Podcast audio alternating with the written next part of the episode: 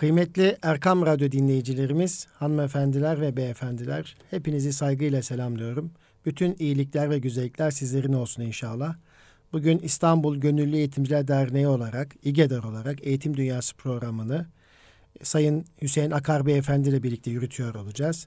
Hüseyin Akar Beyefendi İstanbul'da düzenlenen ilkokulda yenilikçi yaklaşımlar sempozyumuna katılmıştı. Bizim İGEDER'imizin çağrılı misafiri idi. Sempozyumdan ayağının tozu ile hemen radyomuza geldik ve sizlerle birlikte hem sempozyumu, ilkokulda yenilikçi yaklaşımlar sempozyumundaki izlenimlerini alacağız. Hem de sempozyumda panel olarak paylaştığı öğretmenlik sırları üzerine konuşuyor olacağız. Ee, tabii Hüseyin Akar Bey zor çocuk öğretmeni yetiştirir der her zaman ve dolayısıyla kendisi de bütün çocuklar zekidir, eğitmesine eğitmesini bilene diye sürekli söyler. Bir eğitimci, yazar aynı zamanda. Kısaca ben Hüseyin Akar Bey'i bizi dinleyen, radyosun başında bizi dinleyen misafirlerimize, annelerimize, babalarımıza, eğitimcilerimize takdim etmek isterim efendim. 20 Aralık 1960 tarihinde Yozgat'ta doğdu Hüseyin Akar. İlk öğretimini Yozgat'ta, liseyi ise Kayseri'de okudu. Gönlünde yatan meslek öğretmenlik olduğu için Kütahya Eğitim Enstitüsü'ne devam etti. Kendisi eczacılıktan eğitim enstitüsüne geçtiğini hep söyler. Okulun bitmesinden sonra sırayla Tunceli, Mersin, Ağrı ve Yozgat'ta sınıf öğretmeni olarak çalıştı. 16 yıllık öğretmenken Gazi Üniversitesi eğitim deneticiliğini okudu. Daha sonra yurt dışında görevlendirildi. 5 yıl Almanya Augsburg kentinde Türk çocuklarının eğitimiyle uğraşırken Almanya Bavyera eğitim sistemini de tanıma imkanı buldu. Almanya'da mesleki seminerlere katıldı. Kendisi de aktif öğrenme seminerleri verdi. Yurt dışı görevinden sonra Kayseri'ye dönerek birinci sınıfta aldığı öğrencileri farklı yöntem ve stratejiler yetiştiren Hüseyin Akar, beşinci sınıfa geldiğinde yalnız Kayseri'de değil Türkiye'de tanınmaya başladı. Artık onun adı mucize öğretmendi. Öğretmenliği süresince kendini geliştirebilecek seminerlerde görevler aldı. Bir yıl süren e, geliştirme kurslarına katıldı. Eğitimde iyi eğitim sistemi kurslarına katılarak Montessori asistan oldu. Yurt içinde ve yurt dışında çeşitli gazetelerde mesleki makaleler yayınladı. Birinci sınıflara dönük mucize öğretmenin okuma yazma kampı, matematik kampı ve Türkçe kampı e, kitapları bulunmaktadır. Şu anda Tekden Eğitim Kurumları İcra Kurulu Başkanlığı görevini ve Londra Marathon Sciences School of Excellence e, da eğitim danışmanlığını sürdürmektedir. Türkiye Üstün Zekalı ve Daha Çocuklar Vakfı'nın kurucusu olan Hüseyin Akar, evli ve bir çocuk babasıdır kıymetli dostlar. İşte bugün Hüseyin Akar Beyefendi ile İGEDER'imiz tarafından gerçekleştirilen Sabahattin Zaim Üniversitesi, Medeniyet Üniversitesi ve Sakarya Üniversitemizin de e, destek verdiği eğitim fakülteleri dekanlarının destek vermiş olduğu ilkokulda yenilikçi yaklaşımlar sempozyumuna katılmıştı. Davetlimizdi. O çerçevede biz de hemen radyomuza geldik. Tabii sempozyumumuzda e, bizim bercestemiz, özlü sözümüz şudur. Eğitimin ilk eli, ilklerin öğretmeni diye yola çıktık. Dolayısıyla e, Hüseyin Akar Bey e, sorsanız zaten öğretmen olma hep arzulamıştır e, ilklerin öğretmeni dediğimiz bir sınıf öğretmenidir. İlk mektebin öğretmeni sınıf öğretmeni branşındadır.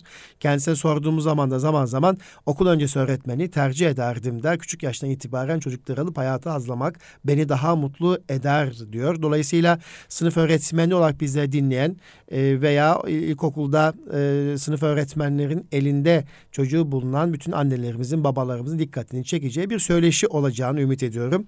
Ben daha fazla sözü uzatmadan tekrardan öncelikle radyomuza hoş geldiniz, safa getirdiniz diyorum. Hoş bulduk. Teşekkür Nasılsınız? ederim. Teşekkürler. Allah iyilik versin. Efendim İstanbul'umuza hoş geldiniz. Ee, İGEDER'in ilkokulda yenilikçi yaklaşımlar sempozyumu çerçevesinde davetlimizdiniz. Ee, ve orada panel olarak da öğretmenlik sırlarınızı paylaştınız. Ve hep şunu söylüyorsunuz. Zor çocuk öğretmeni yetiştirir diyorsunuz. Oradan başlayalım efendim. Evet teşekkür ediyorum. Öncelikle bu güzel imkanı bana sunan İGEDER'e ve Erkam Radyo'ya teşekkür ediyorum.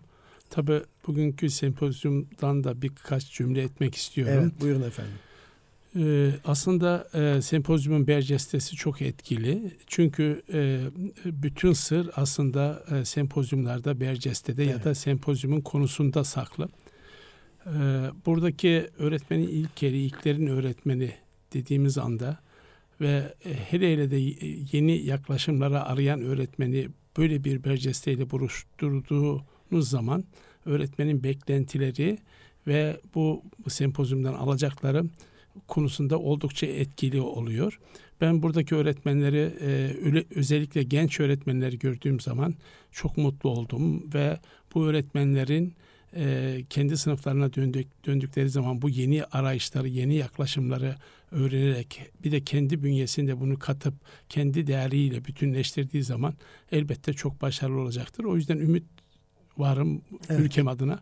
Bundan dolayı bu sempozyumu düzenleyen e, değerli arkadaşlara teşekkür ediyorum ve bunun devamını diliyorum ülkemiz Allah adına, Türk öğretmenleri adına bunun devamını diliyorum. Bu arayışlar sürdükçe biz daha yeni şeyleri e, ve etkili e, sistemi yakalayacağız. Evet. Mutlaka. Efendim e, sempozyumda e, panelde tabii süre kısıtlıydı. 15 dakikalık bir sunuşunuz oldu. Lakin e, kalabalık çok dikkatli ve ilgiyle di, dinlediler sizi ve arada da e, sizi bırakmadılar. Epey soru sordular. Çünkü çok gerçekten etkileyiciydi. Ben hep şunu e, e önemsiyorum. Kişilerin teorik bilgi atlat, anlatmaktan çok kendi hikayelerinden, yaşam öykülerini anlattığı zaman etkileyici oluyor. E, sizin de bir yaşam hikayenizde bir mucize öğretmen tabiri var. Çünkü çocuğa dokunmuşsunuz ve bundan dolayı da e, birinci sınıfa döndüğünüzde Kayseri'de e, işte gazetelerde yansıyan 850'ye yakın veli başvuru yapmış ve İl Milli Eğitim Müdürlüğü o zaman kura çekerek e, sizin sınıftaki öğrenci belirlemişti. E bu kolay değil bu başarıyı yakalamak tabii. Dolayısıyla tercih edilen öğretmen Nasıl bir şey? Ne evet. gibi sırları taşıyor efendim? Buyurun. Aslında en büyük sır e, öğretmenin önce kendini tanıması, keşfetmesi. Ama daha sonra da karşısındaki öğrencinin zor kolay demeden ona adanmışlık e, önemli. İnsanın e, aslında hayattaki en büyük dostu zorluklarıdır. O, evet. o, o zorluklardan yılmadan üzerine giderse o zorluklar öğretmeni geliştiriyor. Çünkü insanın karşılaştığı zorluklar insanı kuvvetlendirir. Bu da e, öğretmenlik için çok daha e, önemli. Mesela ben şöyle söylüyorum. E, öğretmen e, e sınıfındaki e, dezavantajlı çocuklar diye adlandırılan ya da zor çocuklar diye adlandırılan öğrencilerin büyük bir potansiyele sahip olduğunu bilseler onlara dezavantajlı çocuk der mi? Veya şöyle bir başka deyişle daha somut bir örnek vermek istiyorum Nuri Bey. Şimdi e, yerin e, altında yüzlerce hatta binlerce kilometre altında çok değerli bir madenin olduğunu düşünün. Bir evet. madenci olarak diğerinin altında böyle çok kıymetli bir maden var. Ve o madene ulaştığınız zaman çok büyük şeylerin değişeceğini hatta ülkenin gelişeceğinin hayalini kurarsınız. Evet. Ve farklı tekniklerle, araçlarla, makinalarla o madene ulaşmaya çalışırsınız ve yılmazsınız. Hatta yorulmazsınız da. Evet. Bu bir, büyük bir heyecan duyarsınız. Ama e, ne kadar çaba gösterseniz de ne kadar çok emek harcasanız da ona ulaştığınız zaman bütün yorgunlar yorgunluklarınız gidiyor. Hatta zindeleşiyorsunuz. Öğretmenlikte de öyledir. Aslında her gördüğünüz dezavantajlı çocuğun çok büyük bir potansiyel olduğunu, zor olabilir ama o potansiyeli ancak benim gibi iyi bir madenci ya da benim gibi iyi bir öğretmen ancak buna ulaşabilir. Gücünü hissederse bu öğretmen o öğrenciye ulaşacaktır ve gerçekten her öğrencinin bir cefer olduğunu kabul ederek çalışmasını sunarsa Allah da ona farklı yollar, farklı teknikler gösterecektir. Farklı araçlar sunacaktır ve o öğrenciye ulaşacaktır. Bu ulaşmayı başarabilen hayatında öğretmenlik yıllarında bir kez bir kez bu böyle bir olayı gerçekleştiren bir öğretmen kendinde büyük güç bulacaktır. Evet. Benim de sırrım o. Ben e, bütün e, sınıftaki her çocuğun her çocuğun büyük bir cevher olduğuna inandım yıllarca. Evet. Ve dedim ki bu öğrenciler benden e, ben bu çocuklar benim imtihanım. Hı hı. Bunlara ulaştığım anda ben güçlü bir öğretmen olabilirim. Evet. Ya da etkili bir öğretmen olabilirim. Başarılı çocuklar her zaman önde gidebilir. Tabii evet. ben onları bir kenara bırakalım demiyorum. Ama iyi bir lider olarak e, sürünün arkasından gitmem lazım. Evet. Toparlayabilmem lazım. Ama aynı inançla onlara bakış açım aynı olmalı. Eğer ben onlara açık zihinle bakmazsam o çocukların üzerini çizerim ve bir kenara bırakırım, ötekileştirebilirim. Evet. Ve bu bu konuda e, kendimi bu konuda adanmış hissediyorum ve belki de öğretmenlikte e, sizi geliştiren, farklı yollar deneten, her denediğiniz yolun pozitif etkisini sonucunu aldığınız zaman da o zaman diyorsunuz ki hayatta kurtarılmayacak hiçbir çocuk yok. Evet. Yeter ki onun ruhuna dokunun. O çocuğa o çocuğa kendinizi adayın ve onunla beraber e, sınıfta bulunun. Onunla beraber eve dönün. Onunla beraber uyuyun. Onunla beraber uyanın ve o o çocuğa bu akıl terini döktükten sonra mutlaka bir kapı açılıyor. Ve bu hayatımdaki bu öğrencilere baktığım zaman ben aslında onların kahramanı değilim. Evet, Evet. onların şu anda bile çok güzel yerde, yerlerdeler ve onların duasını aldığımı biliyorum. Ama esas ben onlara dua ediyorum. Çünkü ben onların kahramanı değilim. Onlar benim kahramanım açıkçası. Yani öğrenciyi kahraman görmek, öğretmeni kahraman yapan öğrencinin e, zor olması değil mi? Evet, Ona aynen. ayırdığın zaman aslında sizi kahraman, Kahraman yapıyor. yapıyor. Dolayısıyla e, öğrenciyi kahraman olarak düşünüyorsunuz. Evet. Bence o beni geliştiren Evet. çünkü Dediniz ki zor çocuklar bir her zaman o çocuklara açık zihinle yaklaşmak, adanmış ruha sahip olmak. Evet efendim. Evet. Şimdi ben tabii burada çocukların e, e, ben e, diyeceksiniz ki sizi iten neydi bu nedir? E, Aslında öğretmenin e, böyle bir şey itilmesi için belki bir yaşanmışlık olması gerekir. Benim benim de hayatımda buna benzer bir yaşantım var. Ben dördüncü sınıfa kadar zor bir çocuktum. Dezavantajlı çocuktum. Hmm. E, ilginçtir yani. Bu, Bugün de bu- panelde söylediniz. Evet çok etkilendik. Ben ben gerçekten e, şöyle düşünüyorum. E, o dört yılda sınıftaki e, öğretmenin kahramanlarına baktığınız zaman hep kolay, ulaşılabilecek, kendi görev ve sorumluluğunu bilen ve kendini o, o öğretmene kabul ettirmiş bir çocuk grubu var ve bir Evet. de bir de ötekileşmiş zor çocuk denen hatta öğretmenin belki de sevmediği bu sınıfımdan gitsin diyebileceği öğrenci gruplar gruplar da var. Onlardan biri de bendim. Ve e, ben e, bu sınıftan e, ayrılmayı elbette çok istiyordum. Ama bunu e, biliyorsunuz bundan yıllar önce annelerimiz, babalarımız öğretmen yüzde yüz haklı. Ve öyle ne yaptın ki sen görevini yapmıyorsun ki cümlelerini hep duymuşuzdur. E, baba evlada değil öğretmene daha çok güveniyordu. Belki iyi bir öğretmense bu doğrudur ama ben kıvranıyorum. Dört yıl kıvranmışım. Ben diyorum ki ben tanım beni öğretmenim tanımalı, fark etmeli. Far, benim de farkın farkımda olmalı. Veya arkadaşımın da farkında olmalı. Biz zaman zaman bir arkadaşım vardı. Şu anda da görüşüyorum onunla. Zaman zaman bir araya gelir konuşuruz. O Öğretmen farkında olmaktan kastettiğimiz öğretmen bireysel farkı, öğrencilerin bireysel farkları dikkate alarak değer vermeli. O Aynen önemli, o. evet. Çünkü sınıfta kaç tane çocuk varsa o kadar farklı öğrenci var. O, o kadar farklı stille öğrenen öğrenci var. Ama öğretmenin a- anlattığını belki anlamıyor değiliz. Bize karşı e, oluşturduğu ön yargı birinci sınıftan itibaren ön yargı bizden uzaklaştırmış. Bu çocuktan ne köy olur ne kasaba olur. Bu veliye de söyleniyor ne yazık ki. Ama e, bir fark etse de bir dokunsa aslında böyle kaynıyorsunuz. Bunu şu anda kendi öğrencinizde de aynı şeyi hissede, hissedebiliyorsunuz.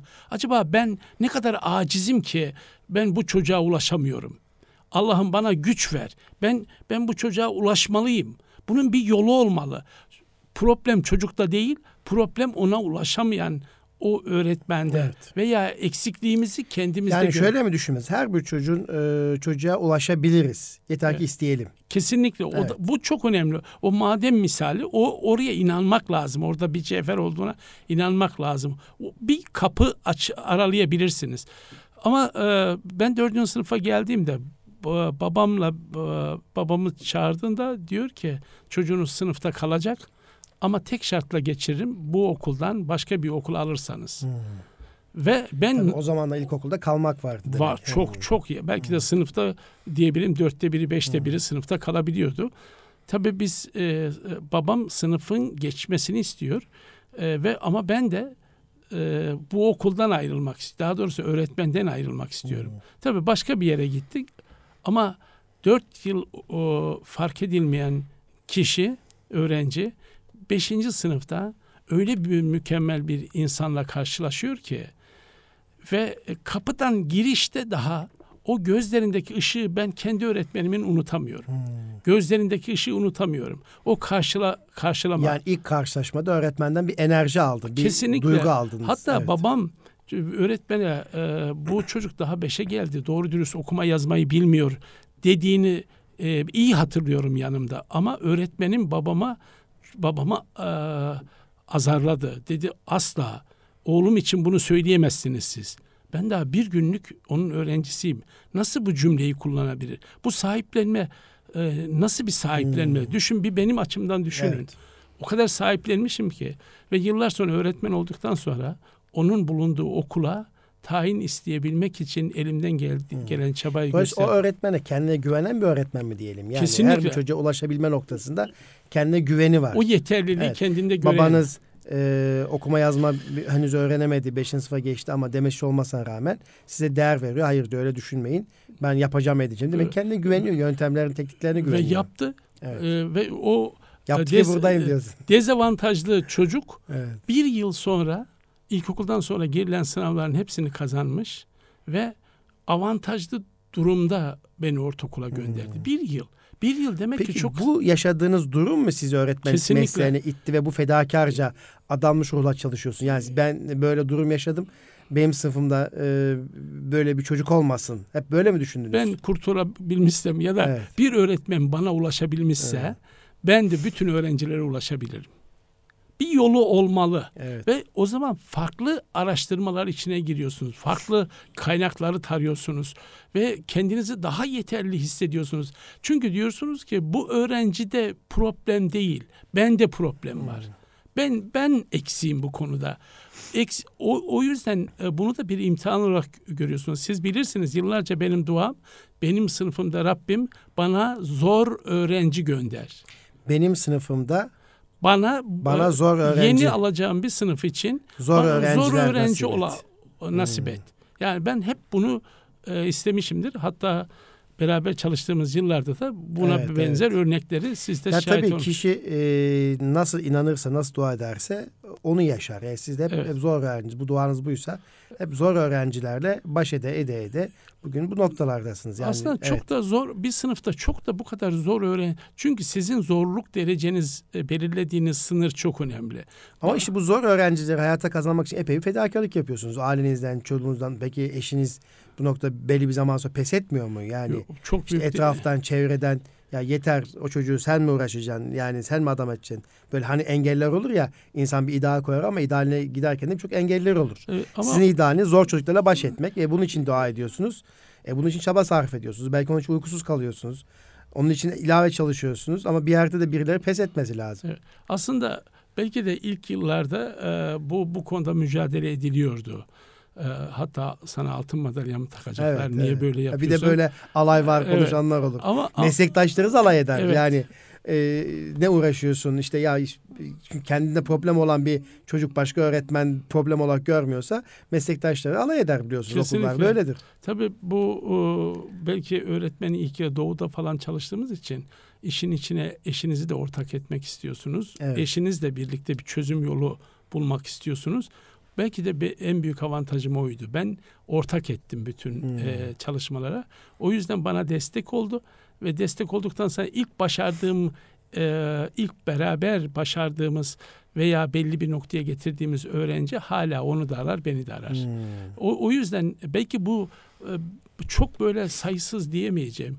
3 veya 5'tir meslek hayatımda. Ya o çocuktan babası siz oldunuz, eşiniz de annesi oldu o zaman. Bu derece bir işe nokta, ortak ettiniz evet, bir, bir noktada. Evet. Ama ama mesela buna ailenin de inanmadığı bu hmm. tip çocuklar, aile de inan. Nasıl babam bana inanmıyorsa benim bu tür öğrencilerime anne de inanmıyor ve buna da çok kızardım ben. Tabii o sırada siz çok güçlü oluyorsunuz ailenin karşısında, çocuğun karşısında ve çocuk size tamamen tabi oluyor ve bu çocuklar da geliştiği anda, iyi noktalara geldiği anda hatta onun ailesi e, süresiz size duacı oluyor.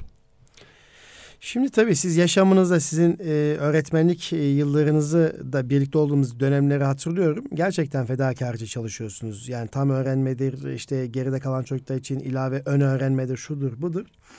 Ama e, işte okul müdürlüğü de yapıyoruz aynı zamanda. Ee, eğer bir öğretmen e, kendisi bir öğrenciye açık zihinli yaklaşamıyorsa okul müdürü çok fazla bir şey yapamıyorsunuz aslında. Yani ama siz bireysel anlamında bazen ya çok görüyorsunuz kendinizi e, dediğimizde siz o çocuğu kazanmak adına çabalıyorsunuz, gayret gösteriyorsunuz ve şu anda da e, bu noktalarda e, hani eğitimci eğitimi programları yapıyorsunuz tabiri caizse. Ben şuna gelmek istiyorum. Ee, bu idealizmi yani gençliğinizden itibaren var mıydı? Okula atandığınız ilk günden itibaren var mıydı? Yoksa yaşamda bir takım hatalarla birlikte artık bunun böyle olması gerektiğini mi inandınız? Yoksa ilk okula atandığınız itibaren bu idealizmi taşıyor muydunuz? Evet. Yani bir e, kırılma noktası oldu mu hiç? Ben aslında ilk o, o e, öğretmenimi tanıdıktan sonra hep öğretmen olmayı istemişim. Hmm. Yıllarca iyi bir liseyi bitirdim. İyi bir liseden sonra da hep öğretmen olmayı düşündüm. Ama benim gözümde e, o benim kahramanım gibi bir kahraman olabilmek. Yani çünkü benim kahramanım Hmm. da o. Evet. E, ve onunla da aynı okulda 5 yıl çalıştım ben. Ve üstelik kendi Hmm. öğretmenimle de 5 yıl aynı okulda çalıştım. Bu bu sadece ondan daha çok şey öğrenebilmek için. O, o, o idealizm vardı o yüzden. Ta öğrencilik yıllarımdan beri vardı ve ama e, belki de şu var geriye dönüp baktığımız zaman hatalar elbette yapmışız. Zaten insanlar hatalarıyla yüzleşti, yüzleşebildiği zaman kendini daha çok geliştirebiliyor. E, ve hatta ben şöyle söyleyeyim bir ilk e, öğretmenlik yıllarımdan bir öğrencim ilk öğretim müfettişi oldu.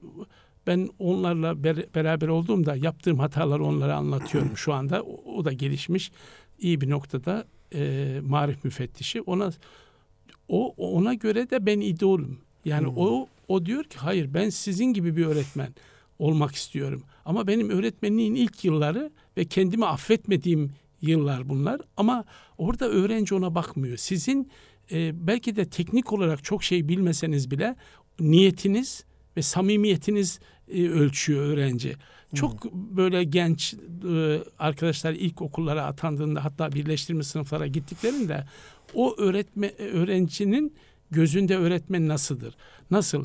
O samimiyeti hissetmişse zaten e, öğrenciye çok e, yoğun bir şey öğretmekten ziyade okula karşı, derse karşı, öğretmene karşı tutum oluşturabilmişse o çocuğun önü açılıyor. Bence o tutum bu samimiyet ve iyi niyetten. Bazen ilerliyor. şöyle oluyor. e, yani öğretmen fedakarlık yapmak istiyor. Ama e, sınıf grubu, arkadaşları e, o çocuğun okula uyumuna, sınıfına uyumuna engel olabiliyor. Veya bazen veliler işin içerisine giriyor. E, öğretmenin kazanmak istediği öğrenci için velinin tahammülü kalmıyor. Muhtemelen siz de yaşamışsınızdır. Zaman zaman da yaşıyoruz nitekim. Ya hocam yani tamam bu çocuğu adam etmek istiyorsunuz ama e, bizim çocuklarımız sıkıntı çekiyor. İşte öğrenme engeli yapıyor. İşte veya şu oluyor bu oluyor. E bu durumla hiç karşılaşmıyor musunuz siz? Bu, bu noktaya tabii karşılaşılabilir ama ben bu noktaya hiç gelmedim. Evet. Hiç sınıfımda zor çocuklar oldu ama bu bu e, özel okulda da devlet okulunda da bu noktaya hiç gelmedim. Veli hep arkamda oldu. Çünkü Oo. sizin duruşunuz çok önemli. Ve e, öğretmenin kabul ettiği bir öğrenciyi asla sınıf ötekileştirmez. Öğretmenin kabul ettiği bir çocuğu Asla sınıf, sınıf öteki asla ötekileştirmez. Evet, öğretmenin kucakladığı bir öğrenciyi bütün sınıf kucaklar. Hmm. Ama öğretmenin ötekileştirdiğini, beden diliyle bile olsa farklı davrandığını ve ağzından çıkacak küçük bir cümle bile sınıfta diğer öğrencilerin onu ötekileştirmesine yeter. Bu o zaman eve de yansır. Eve gider işte öğretmen bir çocuk öğretmenimizi çok üzüyor. Veya bir çocukla öğretmenimiz çok ilgileniyor ama çok geri. O zaman veli size gelir. Hmm. Ama e, siz eğer bunu yansıtmazsanız onun bir değer olduğunu anla, anla, anlatabilirseniz beden dilinizde, kabullenmenizde o zaman sınıf onu kabulleniyor. Yani öğretmen e, davranışlarında da yani bu inancında da samimiyetini belli etmeli. Belli Öyle etmeli. anlayayım Evet. o zaman. Hatta çocuklardan beraber bu işi be- beraber başa bunun keyfini çocuklarla da paylaşılmalı. Ama şöyle bir durum var. Mesela sınıfı siz yaşamışsınızdır bunu idarecilik döneminizde de. Sınıftan e, böyle bir çocuk dezavantajlı bir çocuk lanse olmuşsa bu çocuk gönderilse bile okuldan o aynı öğretmenin bir başka e, o öğrenci gittikten sonra bir başka öğrenci daha orada lanse olabiliyor. Yani yaşıyoruz e, ki şimdi bilmiyorum sizin zamanınızda e, öğretmenlik yaparken dikkat dağınıklığı, hiperaktif, dürtüseldir, işte şudur budur ki her zaman vardı aslında bu tür çocuklar. Şimdi adını biliyoruz belki ve veyahut da en azından teşhis konulabiliyor. Şimdi bu çocuklar için sınıflar gerçekten zor olmaya başladı ki sizin zamanınızda sınıflar 35, 40, 50 kişiyken şimdi 20 kişide, 24 kişide böyle birkaç tane çocuk olduğu zaman öğretmen pes ediyor. Evet. Öğretmenin pes etmeye başladığı andan itibaren veliler diyor ki e, yani öğretmenimiz pes edecek bu çocuklar yüzünden. Yani biz öğretmenimizi kaybetmek istemiyoruz diye bir sefer şeyde kalıyorsunuz. Yani ama şeye katılıyorum. Öğretmenin sahip çıktığı, değer verdiği e, zor çocukları aslında sınıf kabulleniyor. Bunu da gördüm. Defaatlerce gördüm. Yani aslında öğretmenlere yine iş düşüyor. Öğretmen evet. fedakarlık yaparak ben bunu kazanmak için çaba sarf edeceğim. Ee, ne olursa olsun deyip veliyi de bu işin içine aldığında o çocuğun yanından ayrılmadığında teneffüste, koridorda, evde, şurada, burada belli bir zaman sonra çocuk yavaş yavaş sakinleşiyor, duruluyoruz. Ama işte bu tahammülü gösterecek öğretmeni bulamıyoruz artık. Eskisi gibi ya, mi? Aslında Veya siz nasıl görüyorsunuz? Öğretmenlik sanatı e, bunu gerektirir. Siz kolay çocuklarla ya da e, gerçekten belli sorumluluğu almış okula karşı, öğretmene karşı olgular, güzel olgular oluşmuş bu öğrencilerle değil. Bu bu da tabii önemli. Onlardaki o heyecanı bitirmemek de bir ayrı evet. bir şey. Ama diğer taraftan diğer öğrencileri e, suçu ne? Çocuk bu böyle bir şey olmasını iste, istedi mi? Ya da ben dördüncü sınıfa kadar e, ben öyle bir Hüseyin Akar olmak ister miydim? Beni iten nedir? Yani madenin çok aşağıya gizlenmesi madenin suçu değil. Evet. Yani o o o yüzden o önemli. Madenin çok aşağıda olması, çok madenin çok derinlerde olması, olması madenin suçu değil. değil. Onu evet. bul, bulmak isteyen ya da ona ulaşmak isteyenin gücüyle ölçülüdür o. Evet. Belki derinlikte çıkan madenler daha da kıymetli olabilir. Şimdi siz e, mesela ben şöyle düşünüyorum. Bu öğrenciyi ben es geçseydim şu anda o öğrencilerin bu yerlerde olmayacaktı. Evet. Ve gerçekten de bunu bunu çok şahit olduğum şeyler var. Okuma yazmayı ikide, üçte öğrenmiş çocuk. Hatta dört yaşında daha ilk konu, ilk kelimesini söyleyen öğrenciler. Geç, geç konuşan çocuklar. Geç, mesela var öyle dört yaşında konuşmuş ve geç okuma yazma öğrenmiş ama şu anda yazar. Evet. Öyle öğrencim var. Yani şu anda bu e, Var ya bizim Göksel anlatır. Ben Türkçe'de hep kalırdım ama Türkçe öğretmeni oldum. Evet. evet orayı hep söylerdi. Türkçe belki Türkçe öğretmeni onun bu kadar güzel hitabeti olduğunu, bu kadar güzel yazdığını. Şimdi onun Türkçe öğretmenine gitseniz, onu katleden Türkçe öğretmenine gitseniz o zaten ondan da nefret ediyor. Belki de o o doğurmuştur böyle güzel bir Türkçeciyi. Ve şu anda bana göre çok iyi Türkiye'nin en iyi Türkçecilerinden biri evet, evet. ve en iyi e, hitabet gücü olan arkadaşlarımızdan bir tanesi. Ama bu öğrenci Türkçeden kalmış. Veya diyelim ki bir başka öğrenci resimden kalıyor ama ressam oluyor. Bu buna benzer onu ona dokunmayan el esas sorgulanmalı. Ona dokunmayan, onu göremeyen, farkında olamayan. Aslında her öğrencinin farklı bir potansiyeli olduğunu ah bir inanabilsek. Şeyi nasıl yapıyorsunuz? Hani sınıfta çocuklar adalet e, duygusunu çok önemser öğretmenim adil der ve adil değil. Ama o küçük gözlerde, o, o küçük yüreklerin karşısında öğretmenin adil olması noktasını tabii onlar farklı değerlendiriyorlar. Sen adil olduğunu zannediyorsun da o küçük yürek farklı bakıyor. Farklı da öğretmenim hiç adil davranmadı diyor. Evet. E, siz de buna benzer olaylarla karşı karşıya kalıyorsunuzdur. Yani öğretmen nasıl adil olabilir sınıfta? Yani adalet ilkesinde terazi nasıl olmalı? Nelere dikkat etmeli? Çok sık duyuyoruz mesela biz bugünlerde küçük çocuklardan Öğretmenim işte öğretmenim adil değil. Ne yaptı? İşte e, yani o çocuk o çocuğun gözünde o bireysel farktan dolayı öğretmen ona tavizkar davranması öyle düşünmüş olabilir öğretmen ama çocuğun öbür başkasının gözünde adil davranmadı. E bu tip vakalarda ne yapıyorsunuz? Nasıl yapıyorsunuz? Aslında öğretmenliği çocuğun gözünde büyüten çocuk öğretmenin adil olmasıdır. Evet. Yani adil öğretmen çocuğun gözünde büyür ama öğretmenin öyle bir problemi olmalı. Yani ben adil e, olmalıyım. Çünkü e, ben şunu e, e, yeri gelmişken güzel bir konuya temas ettiniz. Ben size ince bir noktayı söyleyeyim. Ben sınıfımda bakışlarda bile adilimdir. Aynı Sınıfında oranda bakışlar. bakışları bile adil dağıtmanız evet. lazım. Ya eğer bir gün göremediğin, göz göze gelemediğin, bırakın çok fazla söz hakkı vermeyi. Göz göze gelemediğin bir çocuğunu, çocuğun sıkıntısını evde çekmelisiniz eve dönünce. Evet. Yani bakışlarınız bile adil olmalı. Çocuk buradaki samimiyetinizi hissederse bu çocuk kesinlikle e, sizin adiliyet konusunda asla e, e, bu konuda size laf söyletmez. Yani çocuk bunu bilir, hisseder. Bu demek değildir ki zor çocuklarla saatlerce uğraşmak, sınıfta onların vaktini almak değil. Herkese ne kadar vakit ayırıyorsanız a, diğer e, a, zor çocuklara da dezavantajlı çocuklara aynı derecede vakit ayırmanız lazım. Ama o yine Aa, geride kalır Ama o zor çocuk. dışarıda tabii Ya dışarıda. dışarıda çocukla hatta hissettirmemeniz lazım. Biliyorsunuz e, bu ön öğrenme e, modeli üzerinde çok çalıştım ve ön öğrenme benim benim kurtuluş e, modelim e, diye söyleyebilirim. Evet. O o yüzden e, çocuklar çocuklarda ufacık dokunuşlar, çocuğa karşı güven 365 gün veya okul açıldığı bütün her gün onunla ilgilenmek değil. Çocuğu belki de keşfedene kadar uğraşıyorsunuz Evet. ama su yüzüne çıkarttıktan sonra madenin bir kısmı gözüktükten sonra çocuk bunu görüyor, hissediyor. Kendinin de farklı olduğunu biliyor. Ben size örneği verdim Evet. kendimden. Bir yıl o kadar uzun bir yılmış. Bana göre dört yıldaki anılarımı anlatın deseniz bana hep acılarla dolu ama o bir yıldaki mutluluğu, beşinci sınıftaki mutluluğu e, ben siz gün gün hatırlayabilirim. Çünkü o yılın bitmesini bile istememişimdir. E, o- benim kendimi keşfetmeme imkan sağladı kendi öğretmenim. E, Peki bu madem sağlanabiliyorsa o zaman biz öğretmenler olarak bunu mutlaka yapmalıyız. Yani burada olsun, Türkiye'deki görevlerimde olsun, yurt dışındaki görevimde olsun hep buna dikkat ettim.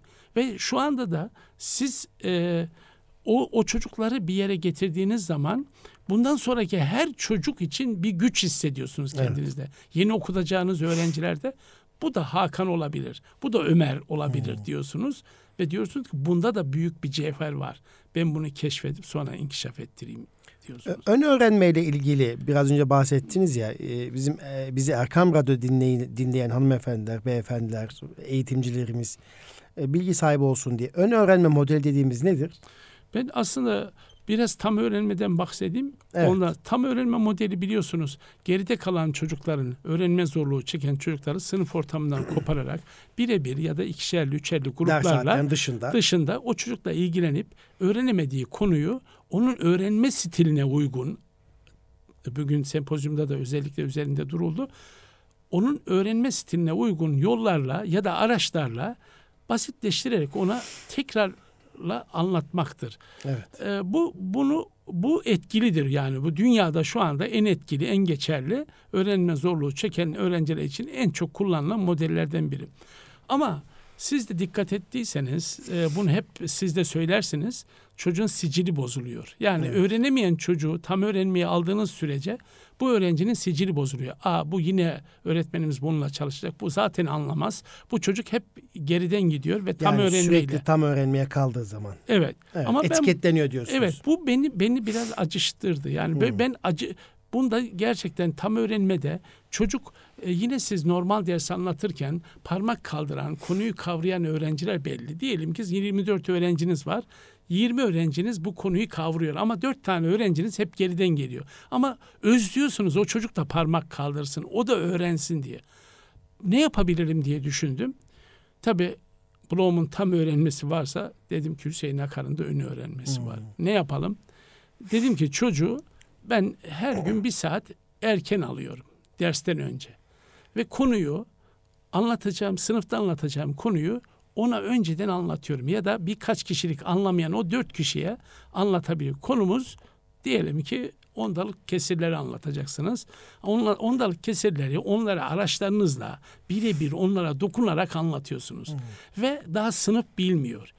Ve sınıfa geldiğiniz zaman ondalık sayıları e, konusuna girerken küçük tanımlarda e, başladığınız anda ya da bir hazır bulunuşluğu yokladığınız anda bu çocukların da parmağa kalktığını gö- görüyorsunuz. Çünkü daha bir gün öğrendiler. Yani ön öğrenme sınıfta öğretmenin işleyecek kazanımlarla ilgili olarak geride kalan çocuklar için önceden çalıştırma. Çalıştı. veya önceden bilgi sahibi olması Bilgi sağ- sağlama. Evet. Evet. Peki bu ne yapıyor? Çocuğun parmak Sınıftaki kaldırma özgüvenini artırıyor. pa- taktiğe yazdığınız ufacık bir soruda bir bakıyorsunuz ki o da inanın öyle bir heyecanla parmak kaldırıyor ki söylediğiniz zaman sınıftaki algıyı değiştiriyor. Aa bu hmm. arkadaşımız bu konuyu biliyor. Hmm. Ve çocuk da e, başarmanın keyfini yaşıyor. Anladım. Ama tam öğrenmede çocuk yine suskun, hmm. yine parmak kaldırmıyor.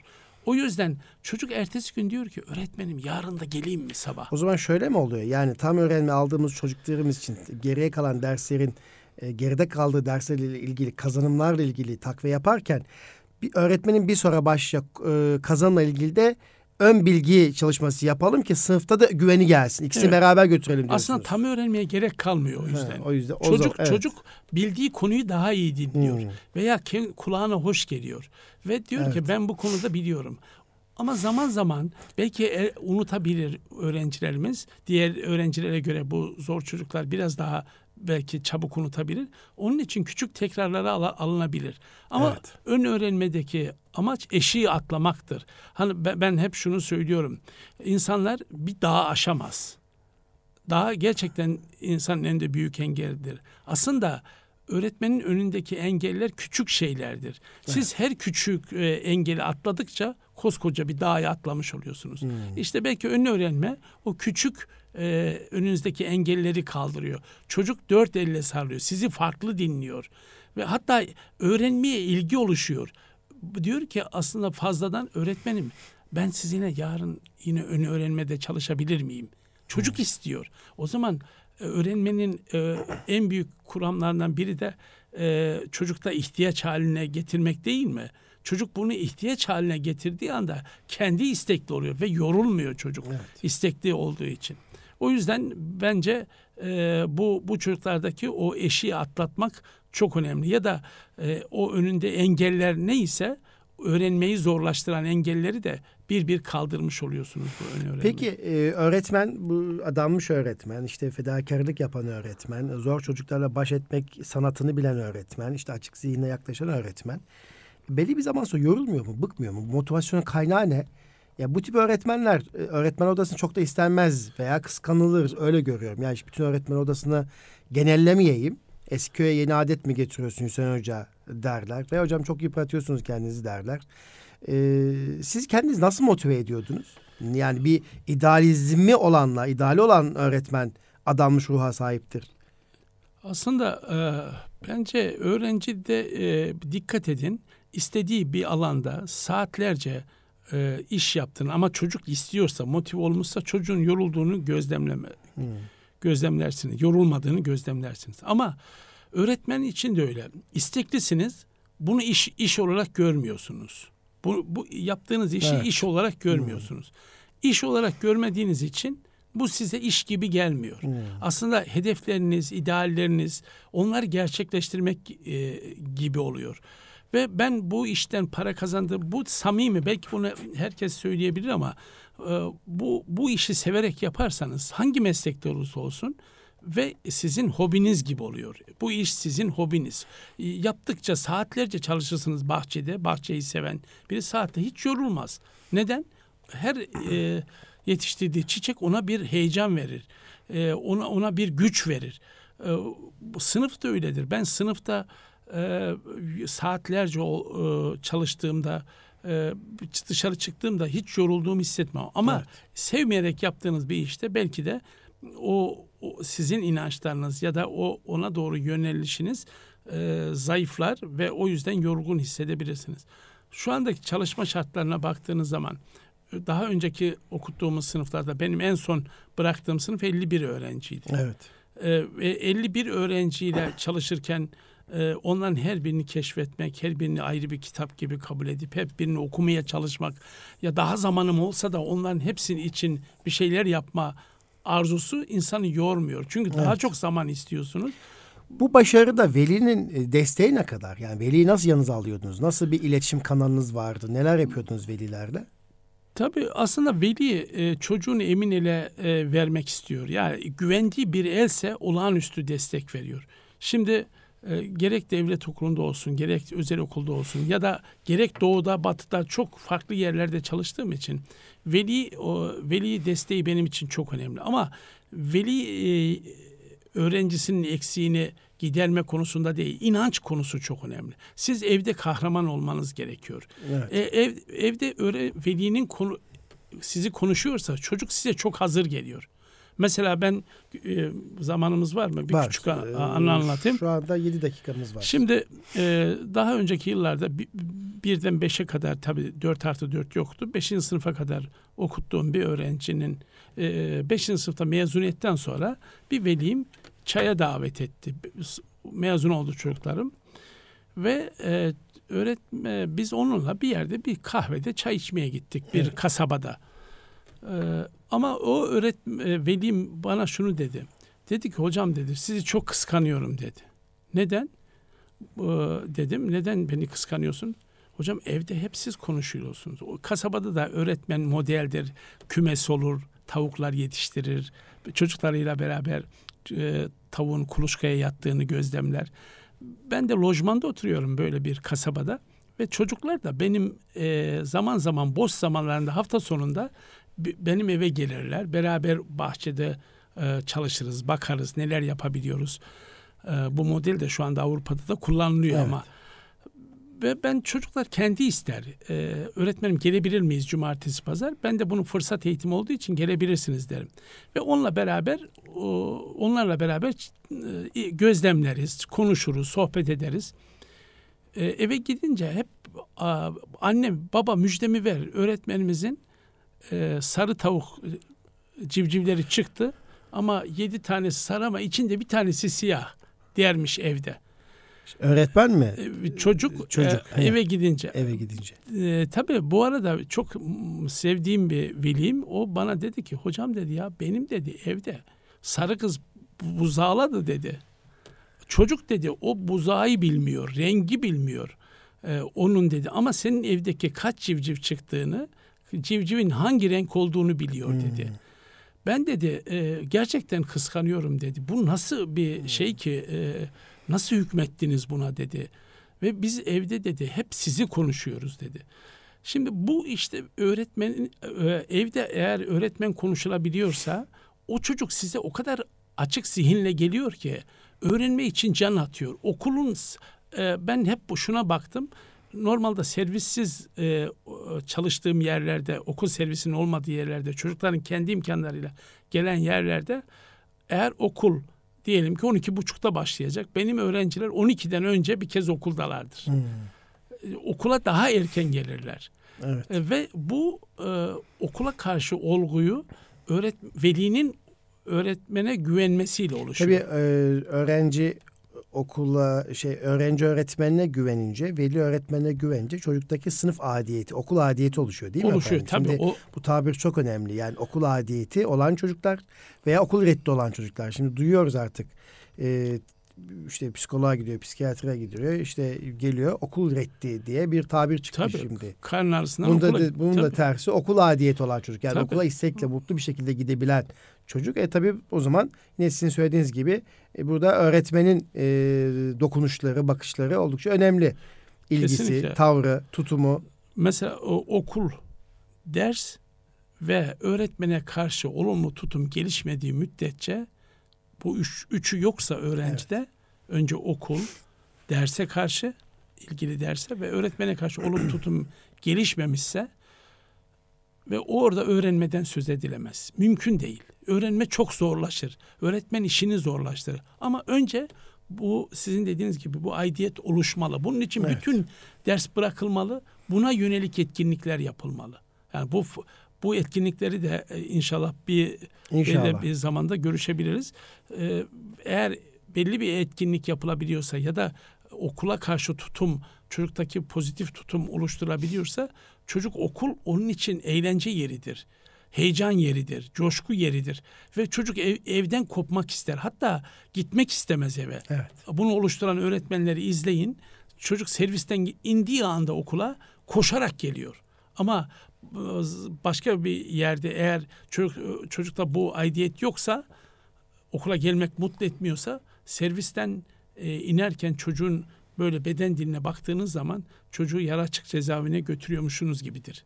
Evet. Bu, bu farkı iyi okumak CV'niz lazım. okurken e, dikkatimi çekti. E, Erkam Radyo dinleyicilerimizin de e, o CV'yi okurken muhtemelen dikkatini çekmiştir. Mucize öğretmen tabiri veliniz mi, velileriniz mi koyduğu bir tabir yoksa nasıl oluştu ya? Kaç yılında aslında- böyle bir tabirle Aslında mucize, ön plana çıktınız? mucize Allah'a mahsus bir şey. Tabi Allah her yarattığı kuluna da kendi sıfatlarından zerre zerrede yüklemiş. Aslında zoru başarmak belki bu- bunun üzerine bu ismi İşte takılmıştır. orada ne oldu ki kamuoyu Ee, veya tabii etraftaki şimdi- insanlar böyle bir sıfat koydular, Ee, şi- taktılar e, size? Yurt dışından geldikten sonra bir e, e, bir okulda çalışıyoruz. Sıradan bir okul ve burada çalışırken e, idealiniz yurt dışı birikimlerinizi bir yerde kullanıyorsunuz. Çocuğun defter düzeninden tut ki yazısına kadar. Bu arada yazı dediğim zaman yazı öğrenci için çok önemli. Şu anda Milli Eğitim Bakanlığımız el yazısı mı olacak düz ya bunun tartışmasını yapıyor. Ama bence e, bunun bir e, şey olmamalı. Yazı öğrencinin zihnini formatlayan tek unsur. Hmm. Yazı ve defter düzeni. Ama yazdıramıyoruz ki şimdi. Ama Bütün tabii şimdi velilerin akıllı de def- bizim de şikayetimiz çocuklara yazdıramıyoruz. ama o o bizimle beraber oluyor. O yüzden o dönem geldikten sonra 5. sınıfta mezun ettiğim öğrenciler e, bu- bu girdikleri e, sınavda bursluluk sınavına girerlerdi ilkokuldan. Hmm. Şimdi de var galiba. O sınavda sınıfın tamamı Parası yatılı ve parası bursluluk sınavı sınavı. İşte bir maddi durumu zayıf Hmm. olan bir bölgede çalışıyorum. Girdiği sınıfta sınıfın tamamının kazanması Hmm. ve e, ve üstelik ilde ilk 11 aynı sınıftan Hmm. çıkması arka arkasına. Orada dikkat çekti o ve zaman. ondan sonra da sınıf bu ne yap? Ben gerçekten herkes benim yaptığımı herkes yapıyor ya da ben de herkesin Hmm. yaptığını yapıyorum biliyorum ben. Ama daha sonra ben kendimi izleme imkanı buldum.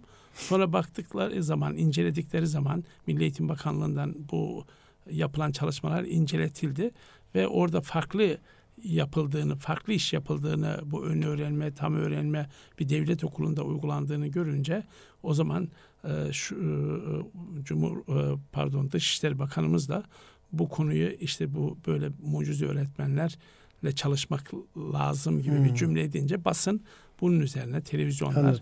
Bunun üzerine e, haber yaptı. Evet. Kıymetli Erkam Radyo dinleyicilerimiz, hanımefendiler ve beyefendiler. e, bugün Eğitim Dünyası programımızda e, eğitimci yazar Hüseyin Akar beyefendi ile öğretmenlik sırları üzerine konuştuk. Ve kendisi diyor ki zor çocuk öğretmeni geliştirir, yetiştirir. Bir öğretmen öğrenci açık zihinle yaklaşmalıdır. Öğretmen adanmış ruha sahip olmalıdır. Sınıfındaki bireysel farkla dikkate e, almalı ve ona göre değer vermelidir. Her bir çocuğa ulaşabiliriz yeter ki inansın öğretmen diyor. Ve e, samimi olmalı, saydam olmalı e, öğretmen. Adil olmak için çaba sarf etmeli, adil olabilmeli. Hatta sınıftaki bakışlarını bile adil dağıtmalıdır diyor. E, ve tam öğrenme modeliyle birlikte geride kalan çocuklar için tam öğrenme modeliyle birlikte öğre, ön öğrenme modelini yani önceden e, yeni anlatılacağı konulara çocuğu çalıştırıp sınıfta parmak kaldırmasını sağlayacak ön çalışma, ön öğrenme modeli E, ve eve giden öğretmen olmak. Yani okuldaki sınıftaki uygulamalarla e, çocuğun etkilendiği, evde de öğretmenin konuşulduğu e, öğretmen olabilmek şeklinde ben özetlemek istedim. E, tabii çok anlatacağı e, şeyler vardır muhakkak. Lakin birkaç dakikamız kaldı. E, öğretmenlerimize ve bizi dinleyen anne babalarımıza, eğitimcilerimize son sözlerinizi alabilir miyiz? Böyle kıymetli, hani dedemden kalma önemli sözler diyeceğiniz. Evet, Evet. Aslında e, çok da e, e, söylemek istediğim çok şey var ama ben diyorum önce anneler özellikle okul öncesi okul önce çocuğa karşı ön yargıda bulunmasın. Onun potansiyel olduğuna inansın hep. Abartmadan inansın. Bu her çocuk da e, büyük bir potansiyel gizli olduğunu anne baba daha sonra da her öğretmen inansın. Çok şeyin değişebileceğini, değişeceğini görebilecekler. Önce Yani- anne baba çocuğuna inanmalıdır İnanmalı. diyorsunuz. Yani çocuk da eksik olabilir, geç konuşabilir, geç yürüyebilir. Ee, çocuk e, farklı olabilir ama onun öğrenme potansiyeliyle beraber doğduğunu bilmeli ve e, bu bunu ama doğru insanlarla, doğru okullarla, doğru e, öğretmenlerle buluştur buluşturmak için mücadele etmeli. Bu e, anne babanın en büyük e, görevi bu.